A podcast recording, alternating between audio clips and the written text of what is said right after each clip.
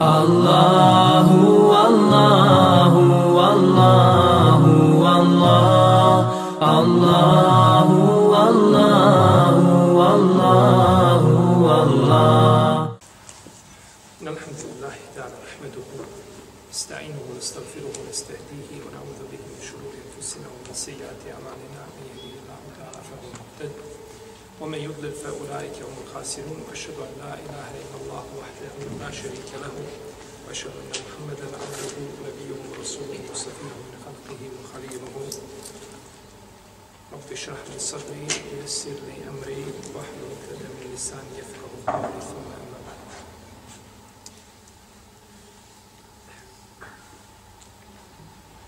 U zadnje vrijeme se aktualiziralo pitanje koje je inače poznato u islamskom ummetu od vremena osnivanja mezheba do danas. A to je pitanje tih među mezhebskih razlika i slijedženja određenog puta. Pa kad, kad se god, kada se god pojavi kakav problem u svijetu, onda ljudi žele na neki način da smire sledbenike dotičnog mezheba ili muslimane općenito pa kažu slijedite taj taj mezheb. Dok se desi problem nekakav u Tunisu, odma izađu imami i kažu mi smo malikijskog mezheba. Odlično. Ne su meni kutu da ste i malikijskog mezheba.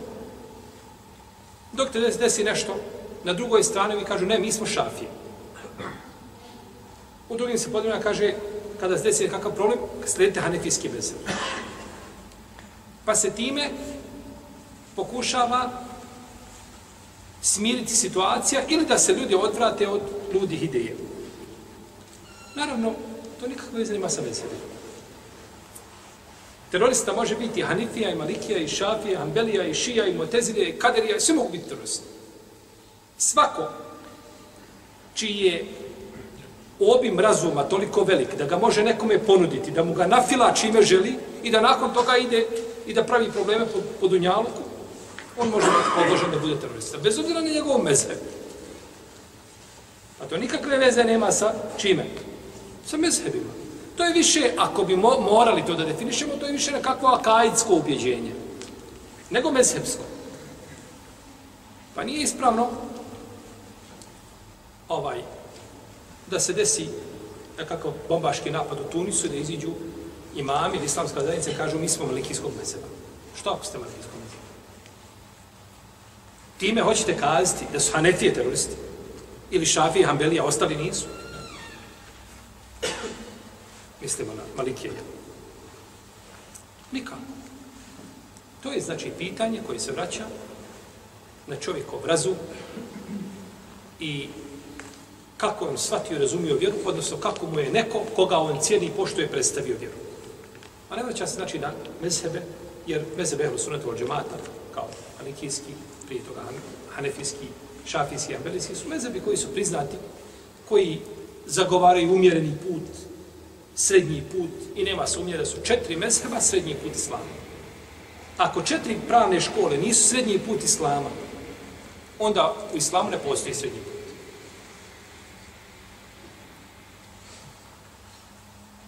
Pa je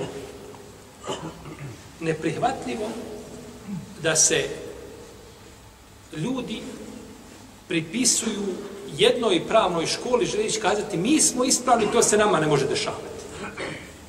Ne, to se ne može dešavati nikome koji je shvatio svoju vjeru, bez obzira koje ti pravne škole bio, od ove četiri koje su priznate kod Ehlu Sunnita, pa čak i Zahirijska pravna škola, i ona ulazi, ulazi u taj, u taj u krug i taj okvir. Pa islamski učenjaci kada se raziđu u vezi s određenim pitanjem, kod njih se razilaze njihova svatanja i razumijevanja, a ne razilaze se njihova srca. Za razliku od običnih ljudi. Kod običnih ljudi prvo što se raziđu srca. Prvo se srca razilaze. I nakon toga, znači, kod uleme nije tako bilo. Raziđu se, ali se nakon toga vole, govore o, jedne od drugima najljepše, za razliku od običnog svijeta, kod koga je znači to pitanje života i smrti. I to je bilo poznato od davnih vremena. Imam Ebu Bekr al-Maliki. Spomnio u svom dijelu Ahkamu Kur'an. I to je spomenuo Imam Kurtubi u svom tefsiru. I to je spomenuo Imam Šaltibi u svom dijelu Muafakat. Da je Ibnul Arabi al-Maliki, on prenosi tu priču. Ušao sam, kaže, u jednu džamiju i kaže, tu je ušao moj učitelj, Ebu Bekr Turduši. Pa je klanjao i dizao ruke u namazu. Pa su tu sjedli ovaj, mještani. Pa jedan od njih kaže, vidite, kaže ovoga istočnjaka šta radi. Hajte ga, kaže, ubijte i bacite ga u more. Da niko ne vidi. Kaže, kad sam to čuo, srce mi se htjelo raspući od muke. Pa sam prišao, kaže, ljudi šta govorite? Pa znate ko je Ebu Bekr Tortuši? Dunjaluk takvi poput vas koji sjedite, ne vredite njega. Cipele njegove ne vredite. On je imam, on je učitelj Ibn Arabi al-Maliki, a to mi je dovoljno. Pa kažu, a dobro, što diže ruke u namazu? Što diže ruke u namazu? Ebu Hanifa, kada je rekao da se ne dižu ruke u namazu, i Imam Malik po jednoj verziji, rekli nakon toga, idite, kogod diže ruku na namazu, uhvatite ga i slomite ga i bacite ga u more. Tako nas su nama učili. To je to svatanje, znači, kod običnih ljudi koji doživljava ta razilaženja, meshebska razilaženja, kao da je to razilaženje u osnovima, u osnovama, temeljima vjere. A naša su nama razilazi pa Allah u temeljima vjera. Uvez s tim, znači, oni imaju svi, imaju svi jednoglasno, jeli, mišljenje. Imam El Mizi. On je učitelj i punac Ibn Kethira. Umro je 742. hijđarske godine. Kada je govorio šehu Islamu Ibn Taymi, kaže šehu Islam Ibn Taymi kaže nisam nikada vidio čovjeka poput njega, niti on vidio nekoga poput sebe. Kaže, ja nisam vidio nekoga. Šeho sam im te u 728. hijđarske godine. Koliko je među njom? Neki 14 godina. Kaže, nisam vidio nikada nekoga poput njega, a ni on svojim očima vidio, nije vidio nekoga poput sebe. I nisam, kaže, nikoga vidio da bolje poznaje kitab i sunet, da idu srednije slijedi. Šafijske, on je šafijskog mesa. Kaže, Ibn deklin, Al-Aid, kaže, susreo sam se sa Ibn Tejmijom. Kaže, imao sam osjećaj, kaže, da su sve nauke Dunjaluka ispred njegovih oči otvorene i uzima šta želi i priča, a odvaja šta želi i neće da nam govori. Ima sve knjige ispred sebe i govori ono što želi. Šta god mu na um padne, govori kao, kaže da je sve, sve nauke da su ispred njega. Imam sujuti, kaže, to je, kaže, šehul islam. Za njega kaže šehul islam, kaže mučtehid, mufesir, faqih, muhaddis, sve živo objedinio. Ibn Hajar al-Skalani, kada je govorio o šehu Islamu ibn Taymi, u svome takrijevu, kada je pregledao knjigu Radul Wafir od Ibn Nasira Dimaškija. Ibn Nasir Dimaškija je umro a 840 i druge hijđarske godine. I ima dijelo koje se zove Erdul Wafir. Bujni odgovor. Odgovorio jednom učenjaku koji je rekao, ko kaže za šehu Islama Ibn Tejmiju da je on šehu Islam, kaže to nije muslima, to je nevjernik. I onda je došao Ibn Nasir Dimaški ispomenuo spomenuo 85 učenjaka od vremena Ibn Tejmije do njegovog vremena, to je neki stotinu i nešto godina, koji su ga nazvali Ibn Tejmijom. 85 najvećih imama u to vrijeme, svi ga nazvali Ibn Tejmiju kako? Šehol Islam. I sad došao ovaj učenjak, a ja neću govoriti koje on pravne škole, ni koje pravne škole pripada, nemate potrebe to da znate, pa da onda to mora nakon toga ispirati. Nemate potrebe znati. I kaže, ko kaže da on Ibn Temi kaže on je kafir? Pa dobro, že nije problem u Ibn Temi, problem, problem ti je malo 85 imama umeta koji su ga tako nazvali.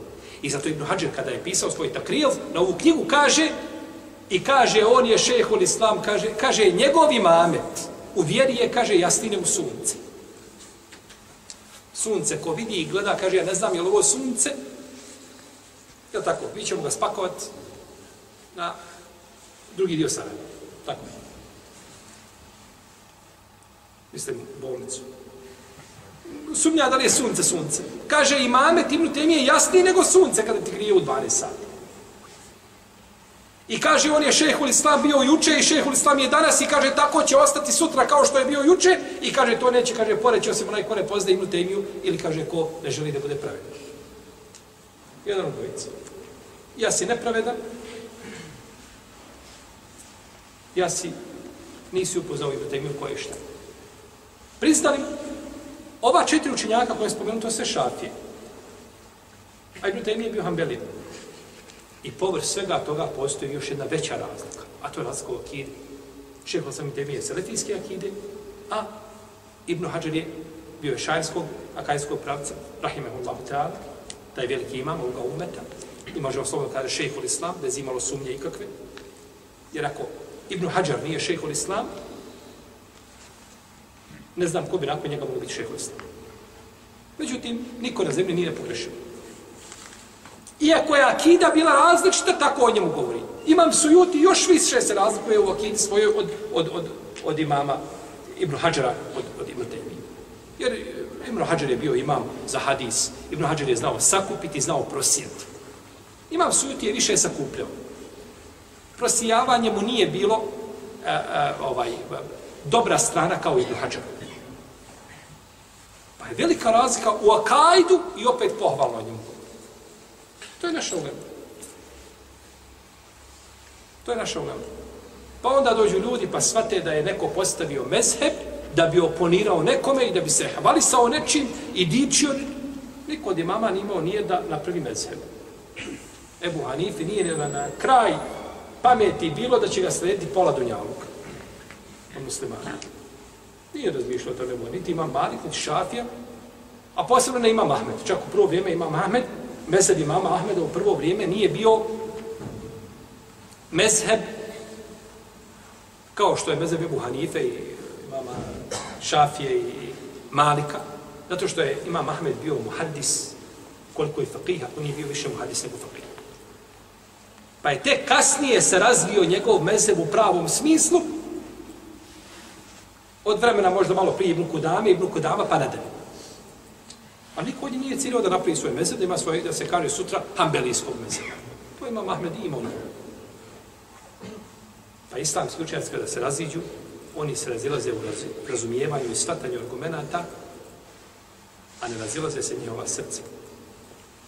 I onda dođemo mi i pogrešno shvatimo ta razumijevanja njihova i nakon toga onda nastaje, jeli, nastaje onda belaja. Jedno pravilo kaže men kesure ilmuhu kalle i atiraduhu. Koliko se god čovjekovo znanje povećava, utoliko on ima manje prigovora drugima. Čovjek što više uči, on vidi da i od taj drugi što je nešto kazao i rekao i uradio, da ima ulemu koja je to kazala i da imaju argumente koji im dokazuju. Pa je to pod kapom šerijata na jedan način, da mani da je slabije mišljenje. Ali je pod kapom šta? Šerijata, to su kazali islamski učenjaci. I dokazali nečim. To je pod kapom šerijeta, a ne mora biti prihvaćeno, može biti slabije mišljenje. Za razliku čovjeka koji zna jedno, naučio jedno, čuo jedno, ne zna ništa drugo i što drugo drugo vidi, pita tako kakav je šta? Kakav je odnos na slona? To sam vam spominao. Čovjek bio slijep cijelog života i jedan put progledao na sekundu i bilo do slona. I opet slijepio. I kažu mu, doplo je lađa u Kaže, a kakva je lađa odnosno slona? Gdje to upodete? On zna slona, u Dunjalku i ništa drugo ne zna. Tako i čovjek koji nauči da nešto postoji islamu jedno. I nema ništa drugo. On samo gleda kroz ono što je naučio i to je ispravno. I ne može ništa drugo ni podrazno biti ispravno. Možda ovo poređenje nije najadekvatnije, koje smo spomenuli, međutim, čovjek mora znati da nije vjera ono što si ti naučio i ja i peti i deseti. Vjera je puno šira od toga. Znate šta smo mi uradili? Došli do jednog mora, upali jednu iglicu i izvadili napolje, ostala jedna kap i mi je spustili na dlan i držimo je na dlan. To ti. A tamo ispred tebe more. I ti kažeš ne, ovo je more, a ono tamo ja ne znam šta je. To tako izgleda, u redu? Pa je čovjek, znači, što više nauči, zna, ne mora, braćo, nije sve što je rečeno u šerijetu ispravno. Rekom, ne sve što je rečeno, kazano sve to, nije ispravno sve. Nešto ima argumente, a drugo nema argumente. Međutim, razlika je da je nešto poteklo od, iz običaja ljudi, prava, nekakvi, ovaj, nekakve hićaje i došla velika islamska ulema koja nešto kaže. To je ko nebo i zemlja. Jer islamska ulema ne govori po svojim protivima i kada je rekao, on se je na nešto pozvao. Taman na logiku koja je bila protkana šerijetom i logika njegova odgovarala šerijetu, on ima pravo da to kaže. A obični ljudi to nemaju pravo. Pa je razlika, znači, velika između onoga što govori, znači, islamski učenjaci i onoga što čine, jeli, ulema. I ne znam, ulema, braćo, kada je govorila, oni nikada nisu govorili, kazali ono što mi pričao, ima Mahmed, nikada nije rekao ovo što sam ja rekao, to je vjera. I dobro, slušajte me, mimo ovoga što čujete, ozi do treste, ni Ebu Hanife, niti bilo kod učenjaka. Ima Malik je govorio, kaže, ovo je, kaže, samo naše mišljenje, a kaže, nismo ubjeđeni u njega. Pa jeste, ima Malik ubjeđen ono što govori definitivno, međutim, hoće kazati, ne mogu ja kazati, ja sam taj koji govorim hak i niko drugi ne može progovoriti istinu, može sačuvati. I to daje šim, to veže srca ljudi. Neki su govorili, kažu, moje mišljenje je ispravno, a postoji mogućnost da bude pogrešno a tvoje mišljenje je pogrešno, a postoji mogućnost da bude ispravno. Allah te nagradio. Lepa izjava. Može proći. Ja smatram da je moje ispravno, a tvoje ha, da je pogrešno, s tim da postoji mogućnost da tvoje bude ispravno da moje bude pogrešno. Pa čovjek uvijek ostavi, ostavi mala vrata otvorena, kažemo ovo je u pitanjima gdje se ulema šta? Raziš.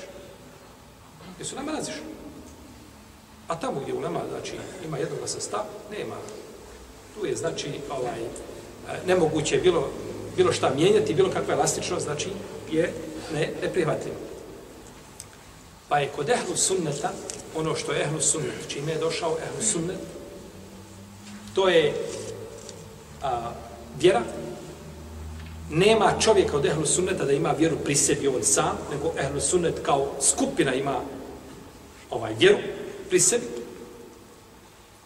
I danas muslimani koji do čije se riječi drži i razilaženja gleda, to su muslimani, ono sunete od džemata. I to su muslimani koji su počeli sa poslanikom sa Allahom Pa su nakon toga došle skupine, sekte, koje su došle sa svojim nekakvim pravilima i ubjeđenjima, pa su iskrivili ono na čemu su bili pokušali, jeli, parirati onome na čemu je Hrusunet vođeva. Uprotivno, ovi korijeni dolaze od poslanika sa losam. Zato kažemo ehlu sunnetu od džemat, jer se drže sunneta i džemata muslimana, na što nas je postakao i Kur'an i sunnet. A nije nakon toga ko je došao, ne, ne, nakon toga došao i nazvao sebe nečim. Kažu za Ahmeda Didata da je došao da je ne prilike sa šijama da raspravljao. Pa ušao s papučama među njima. Stavio papuče kod. I ušao među njima. Pa mu kažu, ovaj, kakav je to jezik? Je etika. Pa kaže ovako je poslanik sa kada je ulazio po šija, on je kaže ulazio s papučama. Pa kažu, nije bilo šija vreme poslanika. Kaže, pa dobro, dakle se vi pojaviste. Dakle vi dođu Nije bilo neko. Sunne, vjera, din, došao od vremena poslanika i nakon toga nastavljeno nakon i kako ide. I nakon toga onda ljudi daju sebi nekakva imena. Ne, ti si musliman, možeš se pripisati onome što pripada poslaniku od kitaba i sunneta. Pripiš se tome i to slijedi. Pa je, znači, razilaženje od ehlu sunneta od džamata bilo razilaženje rahmeta i žalostno je to što su ljudi nakon toga, obični sledbenici, znači ti mezeva, prihvati to da je to razilaženja u temeljima vjere i nakon toga da vole i mrze u ime u ime mezheba i kako to nije bilo, znači, to nije bio put islamskih učenjaka, niti su, znači, tome pozivali. Kada bi pogledali, koliko se pitanja razilazi uh, Ebu Jusuf i Muhammed sa Ebu Hanifom. U, reci. Pa dobro, teško je kazati, to, je, to su pretpostavke. Ali u brojnim pitanjima teško je kazati, jer mezeb je puno opširnije toga da bi neko si ovaj pobrojao ta pitanja. Zato bi mu život, bojim se, bio kratak. Međutim, u, velik, u, u mnogo slučajeva se razilaze Ebu Hanife. Imam, Ahmed je bio od najpristijih učenika imama Šafija. Pogledajte mezeb jednog, pogledajte drugog. Ukoliko se... Imam Šafija sam ima, je tako? Ima stari i novi štab. Ima različite mišljenje, tako. Ima različite mišljenje. Iako učenjak kad kaže, braćo, imam Šafija, kad kaže nešto u Bagdadu i potom kaže nešto u Egiptu, njemu se pripisuje jedno i drugo mišljenje. Jedno i drugo mišljenje se pripisuje dok se jasno ne odrekne jednog mišljenja.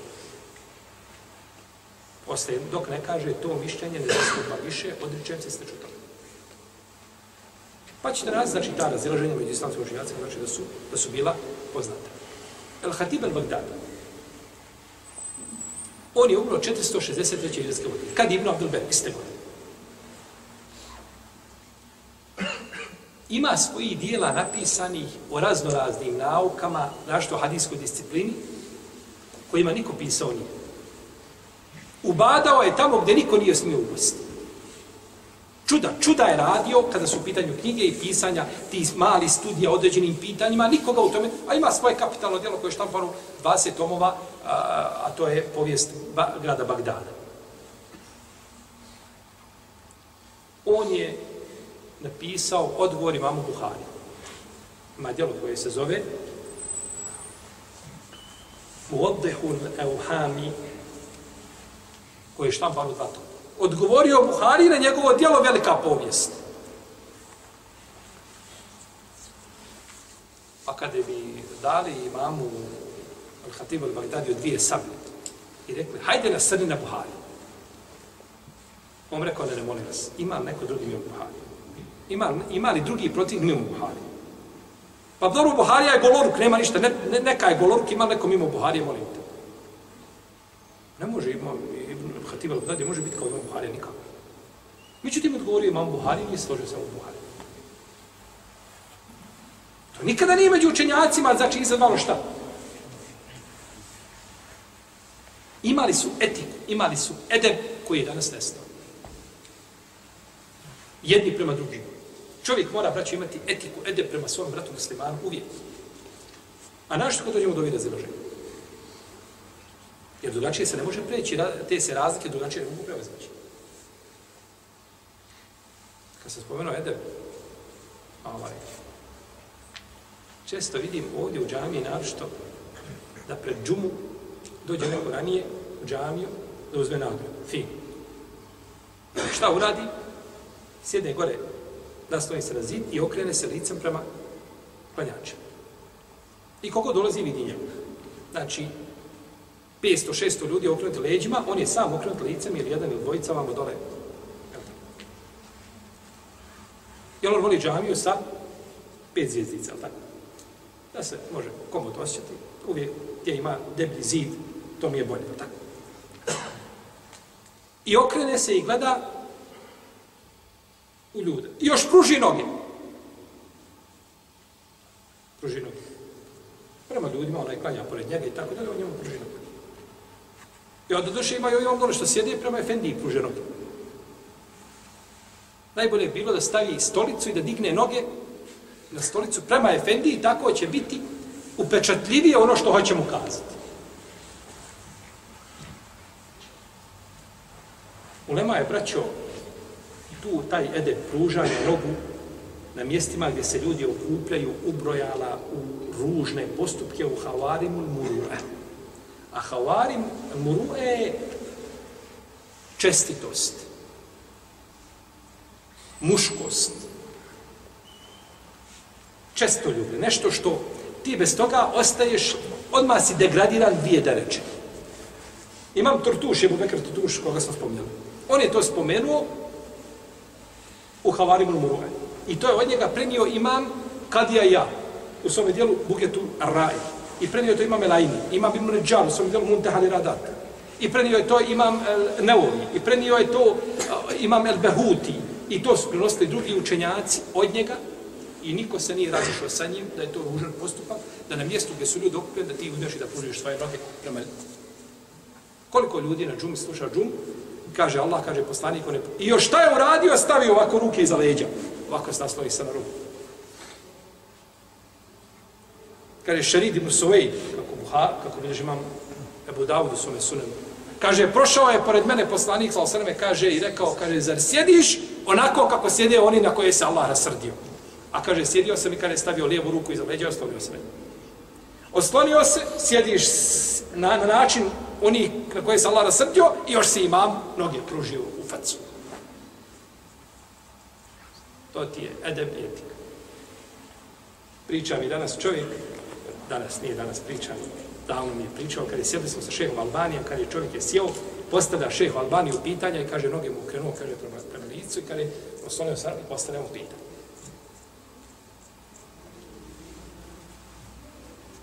Ti si na džumi dužan da se okreneš prema imamu.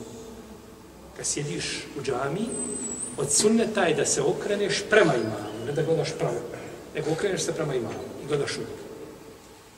Tako je, su, tako je došlo u hadisu. Šeha Albani kao cilje ispravnim, došlo je od skupine ashaba i ti se hadis mogu pojačavati. Da je sunnet okrenut se prema imamu. Čak Ibn Munzir, to je stav svi učenjaka, Ibn Munzir kaže to liči konsensu. Da se na džumi čovjek okreće prema imamu, a ne okrećeš mu noge.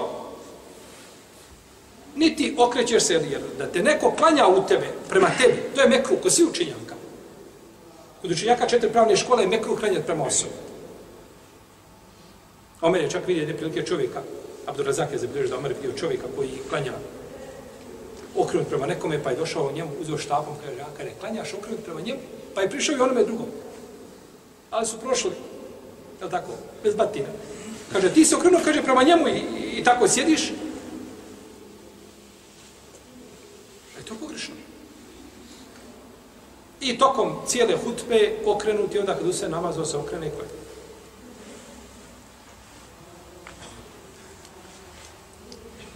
pa je razilaženje među islamskim učenjacima Allahov sunnet. Taj sunnet se ne može prevazići ničim. Ko želi da kaže ne treba više da bude razilaženja, nema ga, on želi da uradi nemoguće. Međutim, razilaženje treba prihvatiti kao Allahovu mudrost među njegovim stvorenjima i da ljudi imaju različite mogućnosti i umne i fizičke i druge i da različno razumijevaju argumente. Jesu li svi argumenti decidnog značenja da se ne mogu razumjeti na dva načina? Jesu li nisu? Nisu. Jesu li svi ljudi istog razuma i svi mogu na isti način razumijeti određene stvari? Koga čudo što se razilaze? Čemu je problem? Ali mi muslimani smo umjetnici da, da fabriciramo problem.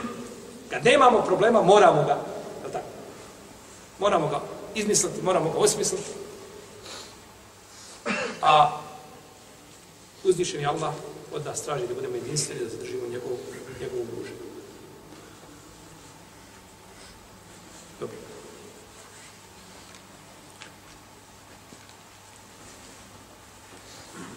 Vokuduha nasu wal hijjar.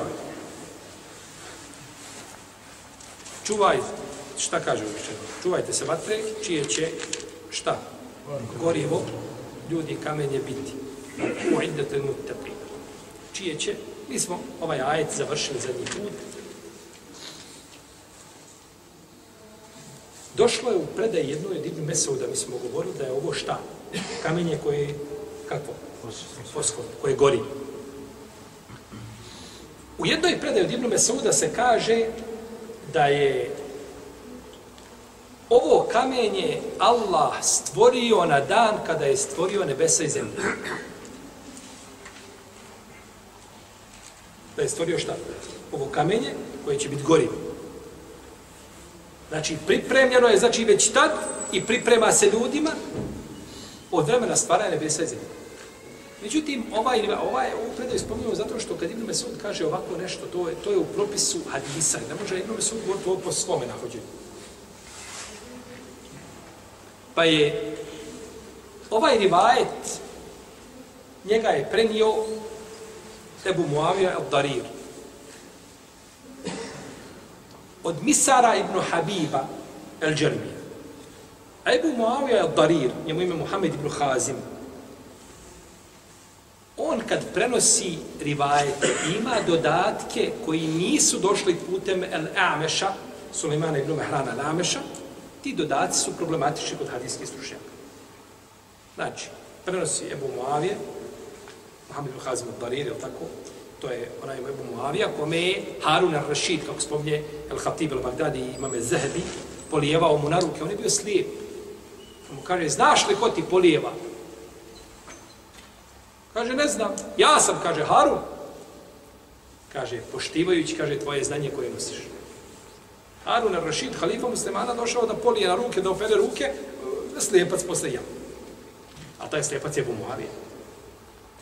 Ali Ebu Muavija je bio problematičan kad prenosi hadise, ako imaju dodaci u hadisima koji nisu pomenuli drugi prenosioci, ako su ti dodaci od Alameša, može, zato što je bio njegov najprisniji učenik, ako nisu Sulejmana ibn Mehrana Alameša, onda su bili problematični. Onda ima prigovor tim.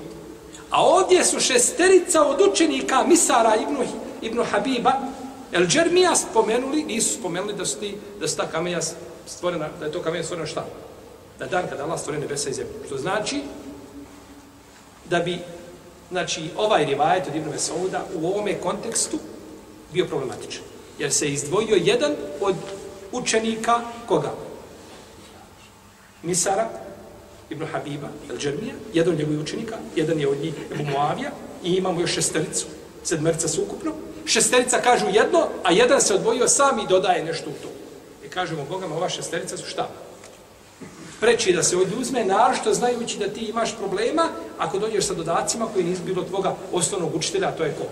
Rameš. Dobro. Nakon toga kaže uzvišeni Allah Azza wa Jal وَبَشِّرِ الَّذِينَ آمَنُوا وَعَمِلُوا الصَّالِحَاتِ أَنَّ لَهُمْ جَنَّاتٍ تَجْرِي مِنْ تَحْتِهَا الْأَنْحَارُ كُلَّمَا رُزِقُوا مِنْهَا مِنْ ثَمَرَةٍ رِزْقًا قَالُوا هَذَا الَّذِي رُزِقْنَا مِنْ قَبْلِ وَأُتُوا بِهِ مُتَشَابِهًا وَلَهُمْ فِيهَا أَزْوَاجٌ مُطَهَّرَةٌ وَهُمْ فِيهَا خَالِدُونَ I ti obraduj i one koji vjeruju i koji dobra djela čine, da im pripadaju dženneti ispod kojih rijeke teku. Kad god iz njih budu obskrbeni kakvim plodom, oni kažu mi smo i prije ovim bili obskrbeni. A bivao im da, davani samo njima slični. U njima im pripadaju žene čiste i oni će u njima vječno boraviti.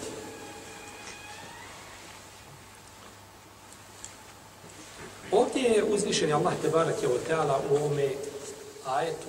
Ovo je kuranski odgoj ljudi.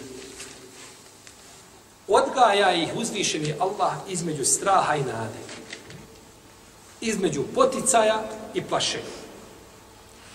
Pa kada je opisao uzvišeni Allah ovdje, a za nevjernike i šta im pripada i kakva kazna, odmah nakon toga spominje šta? Vjernike. Šta im odnavljali pripada? Pa je znači tu stvarno šta? Balans.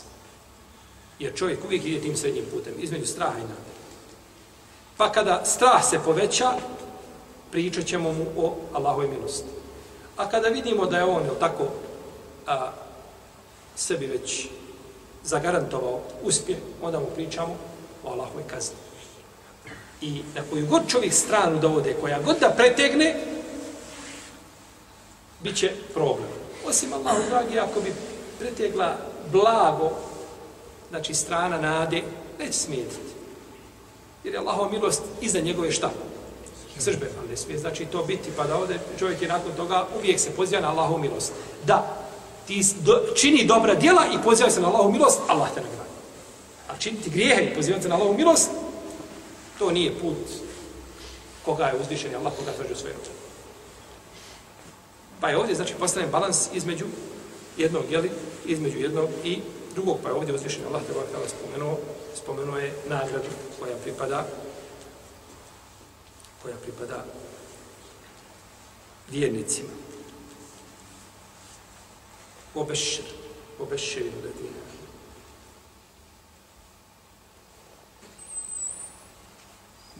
Bišaret ili buša je radosna vijest koja se čovjeku donosi. I to je prva vijest koja ti dođe. Mi tome kažemo ono muštuluk. Tako. Ono muštuluk, rodilo se dijete, ono muštuluk, e, izašao babo iz bolnice, muštuluk, umro komšija. Ako ima problema komšijom, pa je da sam ne se riješio.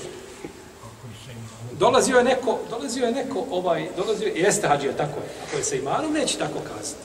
Međutim, ljudi su došli Ibn Tejmi kada je umro Ibn Mahluf i kažu mu štuluk. A taj Ibn Mahluf rekao, rekao ubijte ga, kaže njegova krv, kaže men na vrat. Jasno si mu odgovorio spred Allah. Niko nije, samo ga ubijte. Kad su mu došli da ga obraduju, kaže, pa je osudio svoga učenika Ibn Kajma. Iako je ovaj dozvolio njegovo ubijstvo, nije se radovao njegovoj smrti. Nego otišao je njegovoj porodici, kaže, ja sam ovo danas, kaže Ibn Mahluf, nećete, kaže, tražiti od mene ništa što je moje mogućnost, kaže da vam nećete. Ali to je bio ko? Šehol Islam. Zato je šehol Islam. Bešće, obraduju. Zato kažu islamski učenjaci, bez raziloženja. Kada bi čovjek rekao nekome, kome obraduje od vas, da je bilo to i to i to, ima od mene nagradu. I dođe jedan obraduje i drugi i treći. Samo prvi dobija nagradu. Samo prvi dobija koji je šta? Jer on je obradovao. Ta radost je bila kada se to prvi put, jel te drugi put ta ista radost? Gotovo, ta radost završena. Čuo se to, lijepa radost, može čovjek uvijek radovati tome. Ali nije mu više to iznenađenje, lijepo, niti je iznenađenje uopće, jer to zna, to je za njega poznat podatak. I vijest. Za razliku kada rekao kome obavijesti, pa dođe jedan i dvojica i trojica, četverica, svi bi dobili šta? Jesu ga svi obavijestili? Jesu. A jesu li ga u prvom slučaju svi obradovali? Samo? Samo prvi. Samo ga je prvi u tom slučaju, jel? Samo ga u tom slučaju prvi obradovao. I obraduj, obraduj za gdje? I zato, braćo, najnesretniji čovjek. Ili ovako ćemo. Najsretniji čovjek na ovoj zemlji, znate ko je? Ko svati prirodu dunjavnika I zna šta je dobro. On je najsretniji biće. A najnesretniji čovjek na ovoj zemlji je koji sebi uzme dunjaluk za džennet ili mjesto uživanja. On je, nevis, on je postavio visoke ciljeve i ništa od tih ciljeva se više ostvariti neće. Jer to nije priroda Dunjaluka. Ko svati Dunjaluk i njegovu prirodu, znači da je ovo mjesto čovjekovi nedaća i nevolja i njegovih iskušenja i ispita, a nije mjesto gdje ćeš šta. Nije mjesto gdje ćeš uživati, nećeš sigurno. Uživati ne možeš nikako. Ovdje nema uživanja apsolutnog. Uživanje je kratko prolazno. Jedeš, uživaš dok žvačeš dok si progutao, više nema uživanja. Kada čovjek ne bi znao šta je jeo, ne bi imao čulo okusa. I pojeo, zatvoreni očiju. Ti kad pitaš šta se pojeo? Šta sad pojeo? Ne može ostati u šta je pojeo. Znači, uživanje je ograničeno. Što god više jedeš, potrebe ti veće. Tromis. Što god više piješ, potrebe fiziološke veće, tako. Što god čovjek više spava, ustaje drugačiji. Gdje, gdje, u čemu god da pretiraš, uvijek to uživanje nosi sa svom nekakve... A, ti da bi pojeli jedan kolač koji je onaj lijep, onako, jedu ga oči prije nego što ga u usta staviš. Neko je morao od sijanja pšenice do onoga šlaga gore, da se polomi da to napravi. Kako uživanje? Ti se polomio da bi šta? Toga svega u džennetu nema. I zato se kaže obraduj. Obraduj da tamo ne. Ovdje, ne, ovdje, ko te želi ovdje obradovati, znaj da te vara. Pa dan, dan uživaš, tri dana patiš, danas lijepa vijest, nakon toga deset vijesti, iza reda ne znaš koja je gora i teža, i sliče to. To je priroda. Pa ko svati prirodu dunjavka, ovo me braću, ja ovo poredim ovako, kao žene. Ali ko ste ne među nama. Ko svati prirodu žena, nikada neće sa ženom imati probleme. Prirodu žene kad svatiš, njenu, neće nikad ženom imati problem. Allah je nju stvorio tako, da je stvorio poput tebe, to bi samo problemi bili def, uvijek definitivno. Pa tako. Ili bi moralo glumiti, jedno bi moralo glumiti.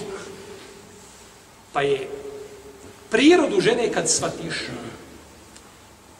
koja je pogrdna kad bi bila pri muškarcu, a pri ženi ona je pohvalna. Allah to tako htio da to bude.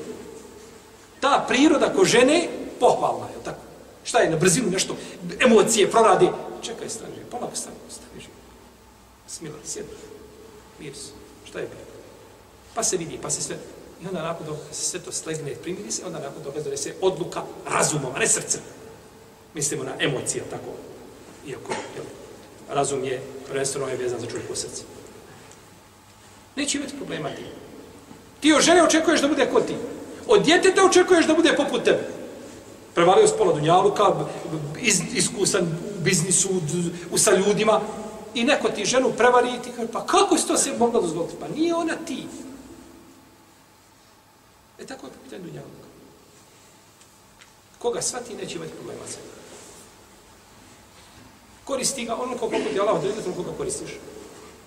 I uzeš ješ ti njega. Ako on tebe uzeš, slobit će Pa je ovdje došlo o, o beširi ledine amenu i obraduj one koji vjeruju i koji dobra djela čine i obraduj one koji vjeruju. O u ledine amen. Ovo nam ukazuje da će iskreno vjerovanje, ispravno vjerovanje rezultirati sa čime? Sa činjenjem dobrih djela. Ali je ponovljeno činjenje dobrih djela zato što imate skupinu ljudi koji smatraju da je dovoljno kazati la ilaha ila. I ništa više nakon toga ne činiti. To je dovoljno onome koje je na smrtnoj posteli pa kaže la ilaha illallah ili izgovori šahadet la ilaha illallah i Allah mu dušu uzme. A ti da kažeš la ilaha illallah i nakon toga ni namaz, ni post, ni zekad, ni temelj islama, ni dobročinstvo, ništa nemaš od dobrih dijela, koji vjeruju i koji dobra i koji dobra djela čine. Pa mora, znači, iskreno vjerovanje, ispravno vjerovanje rezultirati dobrim djelovima, dobrim djelima, a obeširi ladine amenu u amilu salihat, enne lahum džennat. Njemu, njima pripadaju dženneti. Nije džennet jedan, nego dženneti. Riječ džennet, džennetu nije od glagola dženne. Dženne, što znači prikriti, sakriti, pokriti nešto. Pa zato, zato su džini nazvani džini, džini zato što su prekriveni od našeg šta? Vida, mi ne možemo vidjeti. I dženin se zove dijete u majčinoj utrobi zato što ga ne vidiš. I međnun je čovjek ludak kome je pamet prekrivena. I miđen je pancir. A pancir ti prekrva šta? Prsa. Pa je ta riječ, znači, došla šta? Felemma dženne alejhi lejlu ra'a keukeba. Je tako?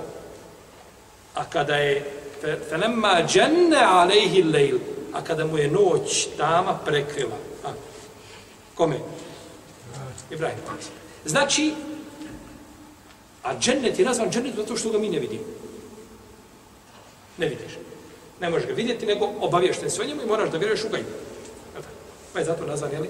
Nazvan je džennetu. Džennat. Pripadaju im dženneti. Imam Tabarani je zabilježio svoja tri mođeva. Malom, srednjem i velikom mođu. Od Ibn Mesuda da je poslanik sa osram rekao kada sam bio na Israu, odnosno bolje kada sam ja rađu, vidio sam Ibrahima a.s. Pa mi je rekao, kaže, o Muhammede, kaže, poselami svoj umet. Šeh Albani ovaj, ovaj bajte cijenjuje dobri. Kaže, poselami svoj umet.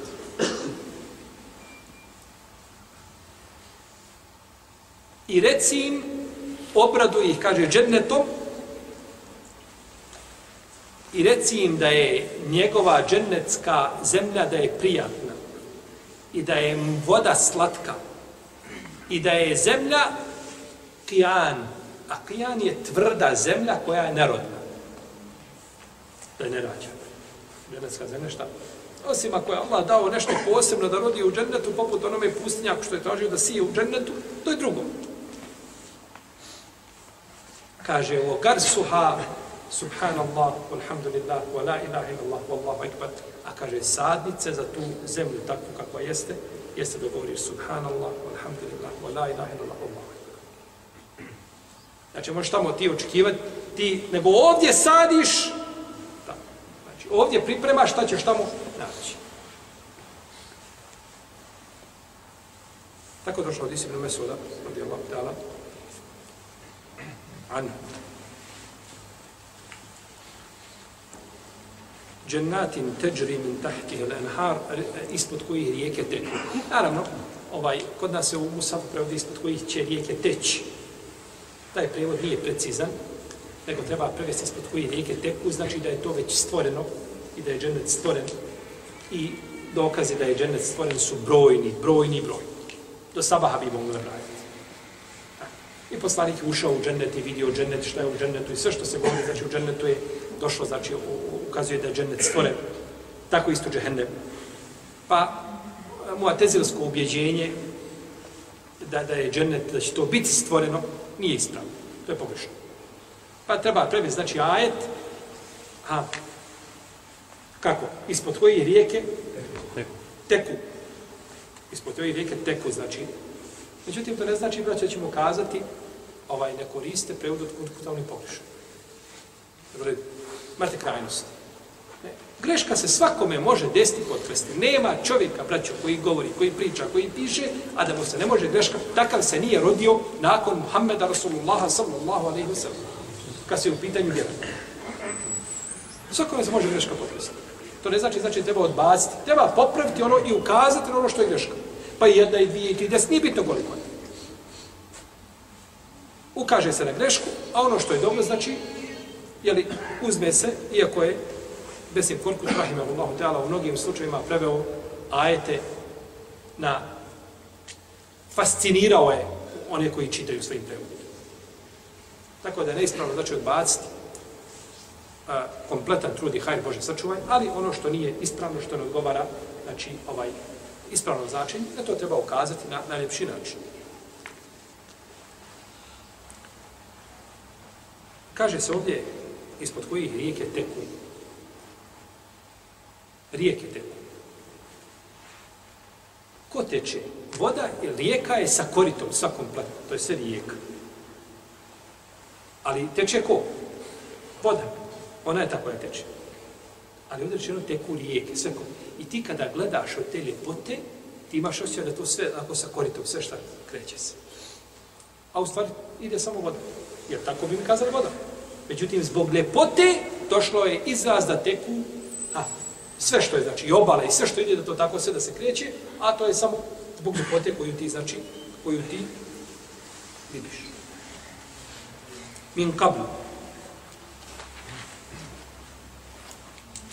Min kablu. E, I prije toga, kaže, mi smo to, i prije toga smo bili, e, e, uh, uh, ovom je prije toga bilo davano, bilo smo time uskrbeni. Islamski učenjaci kažu, prije toga, misle, to nam je bilo na Dunjalu obećano. To je jedno tumačenje. I što znači prije toga? Kada budu obskrbljeni nečim, kažu i prije toga smo bili time obskrbljeni. Čime si bio? Kažu, bili smo obskrbljeni u smislu, bilo nam je to obećano, smo bili na Dunjaluku, prije nego ulaz, ulazka u džene, to nam je bilo šta? Obećano. Drugi učenjaci kažu ne. Time se htjelo kazati, prije smo bili obskrbljeni, na Dunjaluku smo dobivali ste takve plodove. Boja. Ista boja i to smo dobili na Dunjaluku. Imamo mišljenje da se kaže prije toga mislite se u džennetu. Jer u džennetu će čovjek biti obskrben, pa obskrben, pa obskrben, pa obskrben. Stalno obskrba ide. Pa kad god dobiju tu obskru, kazat će i prije toga smo dobili šta? Gdje? U? U džennetu, na istom mjestu dobili smo znači to. Ali kada jedu tu obskrbu i te plodove, oni se razlikuju šta? Njihov okus se razlikuje, a ovaj nije isti, znači kao okus šta? onoga što su jeli prije toga, jer džennetske blagodace stalno, znači, stalno se povećavaju, pa je izgled, znači, jedan, a razlikuje se njihov, a razlikuje se njihov okus. a davatu su, a, da, a samo e, slični im bivaju davat. Znači, ovo je samo slični neki učenjaci kažu po boji. Dok Ibn Abbas kaže u džennetu nema ništa što liči dunjalu osim imena. Samo se imena isto. Naziv. A ostalo, a, sve se razlikuje. Boje. Može, znači, rijeka, građevina, ovo, ono, sve što je u džennetu imamo nazive, ali to ne liči onome što je šta. Jer ne može čovjek upasti tako e, na razum ono što uzvišen Allah pripremio u džennetu, a, a, jer, a, jer je pripremio znači ono što uho nije vidjelo, ni, ni, ni oko nije vidjelo, ni uho čulo, ni može pasti na razum čovjeka.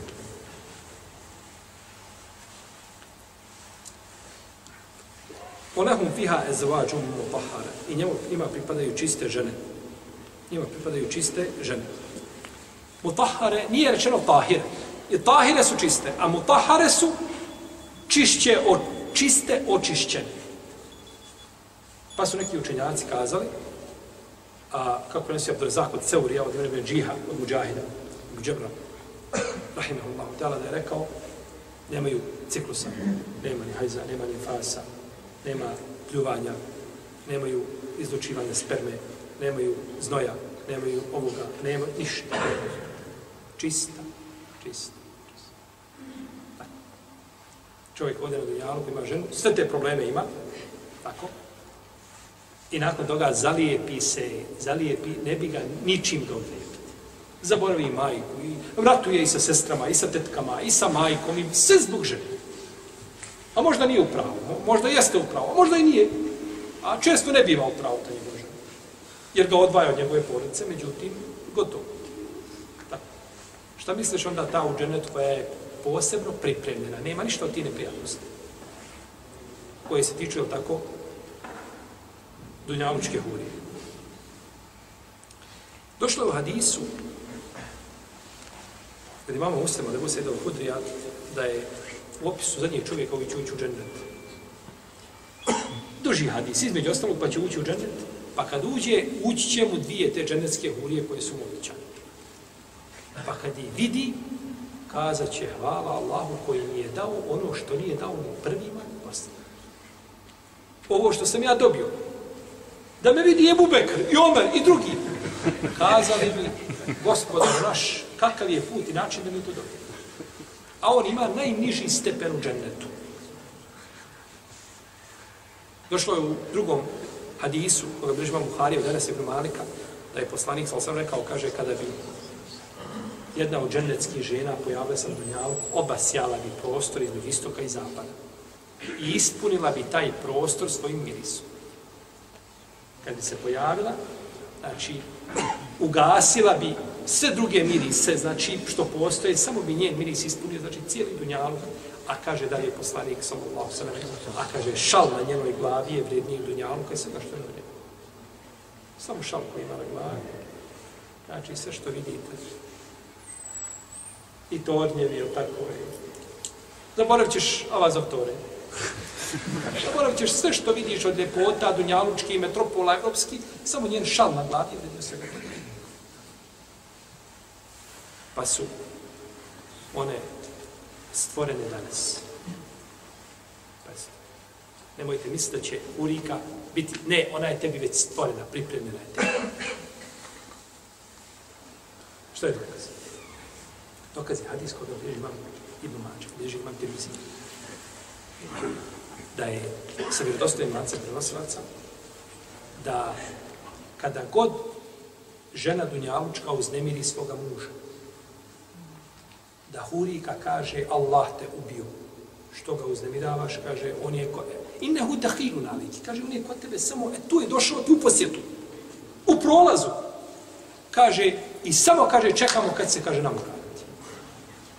Kaže, Allah te ubio, što ga uznemiravaš. Pa je ona stvorena, ali tako? I već to govori, i već te čeka. Raduje se, susret s tobom. Pa sto blagodati. Dobro, u burikama, jeli, ovaj, ali isto došlo brojni o tome. Uglavnom, ovaj, to će biti tamo, a ovdje imaš to što imaš. Dobro. Džennetske blagodati od njihovih odlika je to što neće nikada prestati. Znači, trajne su. Uvijek. I uvijek se povećavaju. Uvijek. Iz dana u dan. Dunjaluč, ti, ne znam, neko donese uzastopno da jedeš, najljepše voći, najljepšu hranu, ne znam, teletine ispod sanča.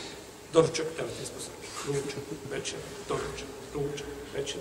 Ko molim te, daj mi komade neba i marmalade. Dosadilo više, ali tako? Jer uvijek isto, isto i do sad u džennetu nije, u džennetu se to sve razlikuje. Pa se blagodat, znači džennetski uvijek, uvijek se, znači, povećavaju. Iz toga je uzvišen je Allah, da barak tala braću, kada je stvorio nama ovdje ono što nam je stvorio od blagodati, stvorio nam je to da bismo mi mogli naravno, proći kroz ovaj dunjavu. I druga stvar, da bi time zagolicao naš, ako mogu ja tako kaza svojim riječima, našu tu znatiženju za džennetom i maštu i volju da, do, za, da, da, da, da, da zadobijemo i da zaslužimo taj džennet. Pa ti ovdje uzvišeni Allah sve što je ovdje stvorio, od lijepih stvari, od imetka, od lijepih građevina, od rijeka, planina, zlata, ukrasa, isto ti je to stvorio gdje? U I ovdje ti je dao samo kao uzorak. Uzorak mali koji opće ne liči čemu. Nije kao original, nego da ti na osnovu njega možeš, shodno svojim ra, svojom razumu, možeš raz, ovaj, da razmišljaš samo šta bi to tebe moglo čekati u džennetu. Tebi neko kad bi donio ovako ploču, mramora jednog lijepog, i kaže ovo je uzorak, 5 sa 5, ti gledaš, on kaže lijep. I onda te uvede u prostoriju gdje je sve obloženo mramorom, ili zgradom. Ej, kaže, sad to je to. On ti je pokazao uzorak iz uzorka, ne može. Ovo je poređenje dunjaluško. Kako onda poređenje dunjaluka? Pa sve što uzvišen je Allah dao ti, dao ti je ovdje, jer da ti nije stvorio potrebu za ženama i obećava ti ženu na ahiretu. Ništa. Ti ne bi, ne bi mogao shvatiti šta to znači, tako? Međutim, hrana, lijepa hrana, Ovdje imaš hranu, tamo imaš hranu. Ovdje imaš vodu, tamo imaš vodu. Ovdje imaš vino, tamo imaš vino. Ovdje imaš med, tamo imaš med. Ovdje imaš žene, tamo imaš žene. Ovdje imaš odjeću, tamo imaš odjeću. Ovdje imaš drveće, tamo imaš drveće. Ovdje imaš sve što ima, ovdje ima, tamo ima imena. A ovdje si dobio samo uzorak, a da, da, da možeš samo zamisliti šta te čeka tamo, to stvoriti različinu vječnom dženu.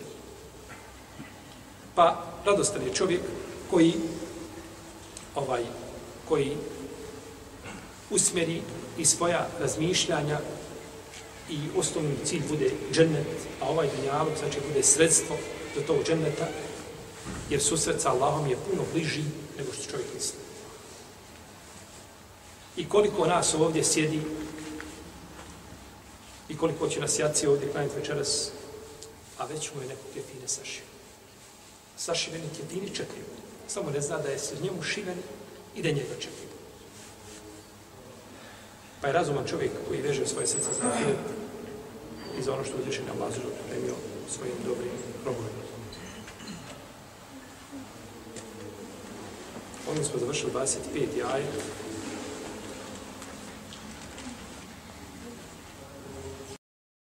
Allahu, Allahu,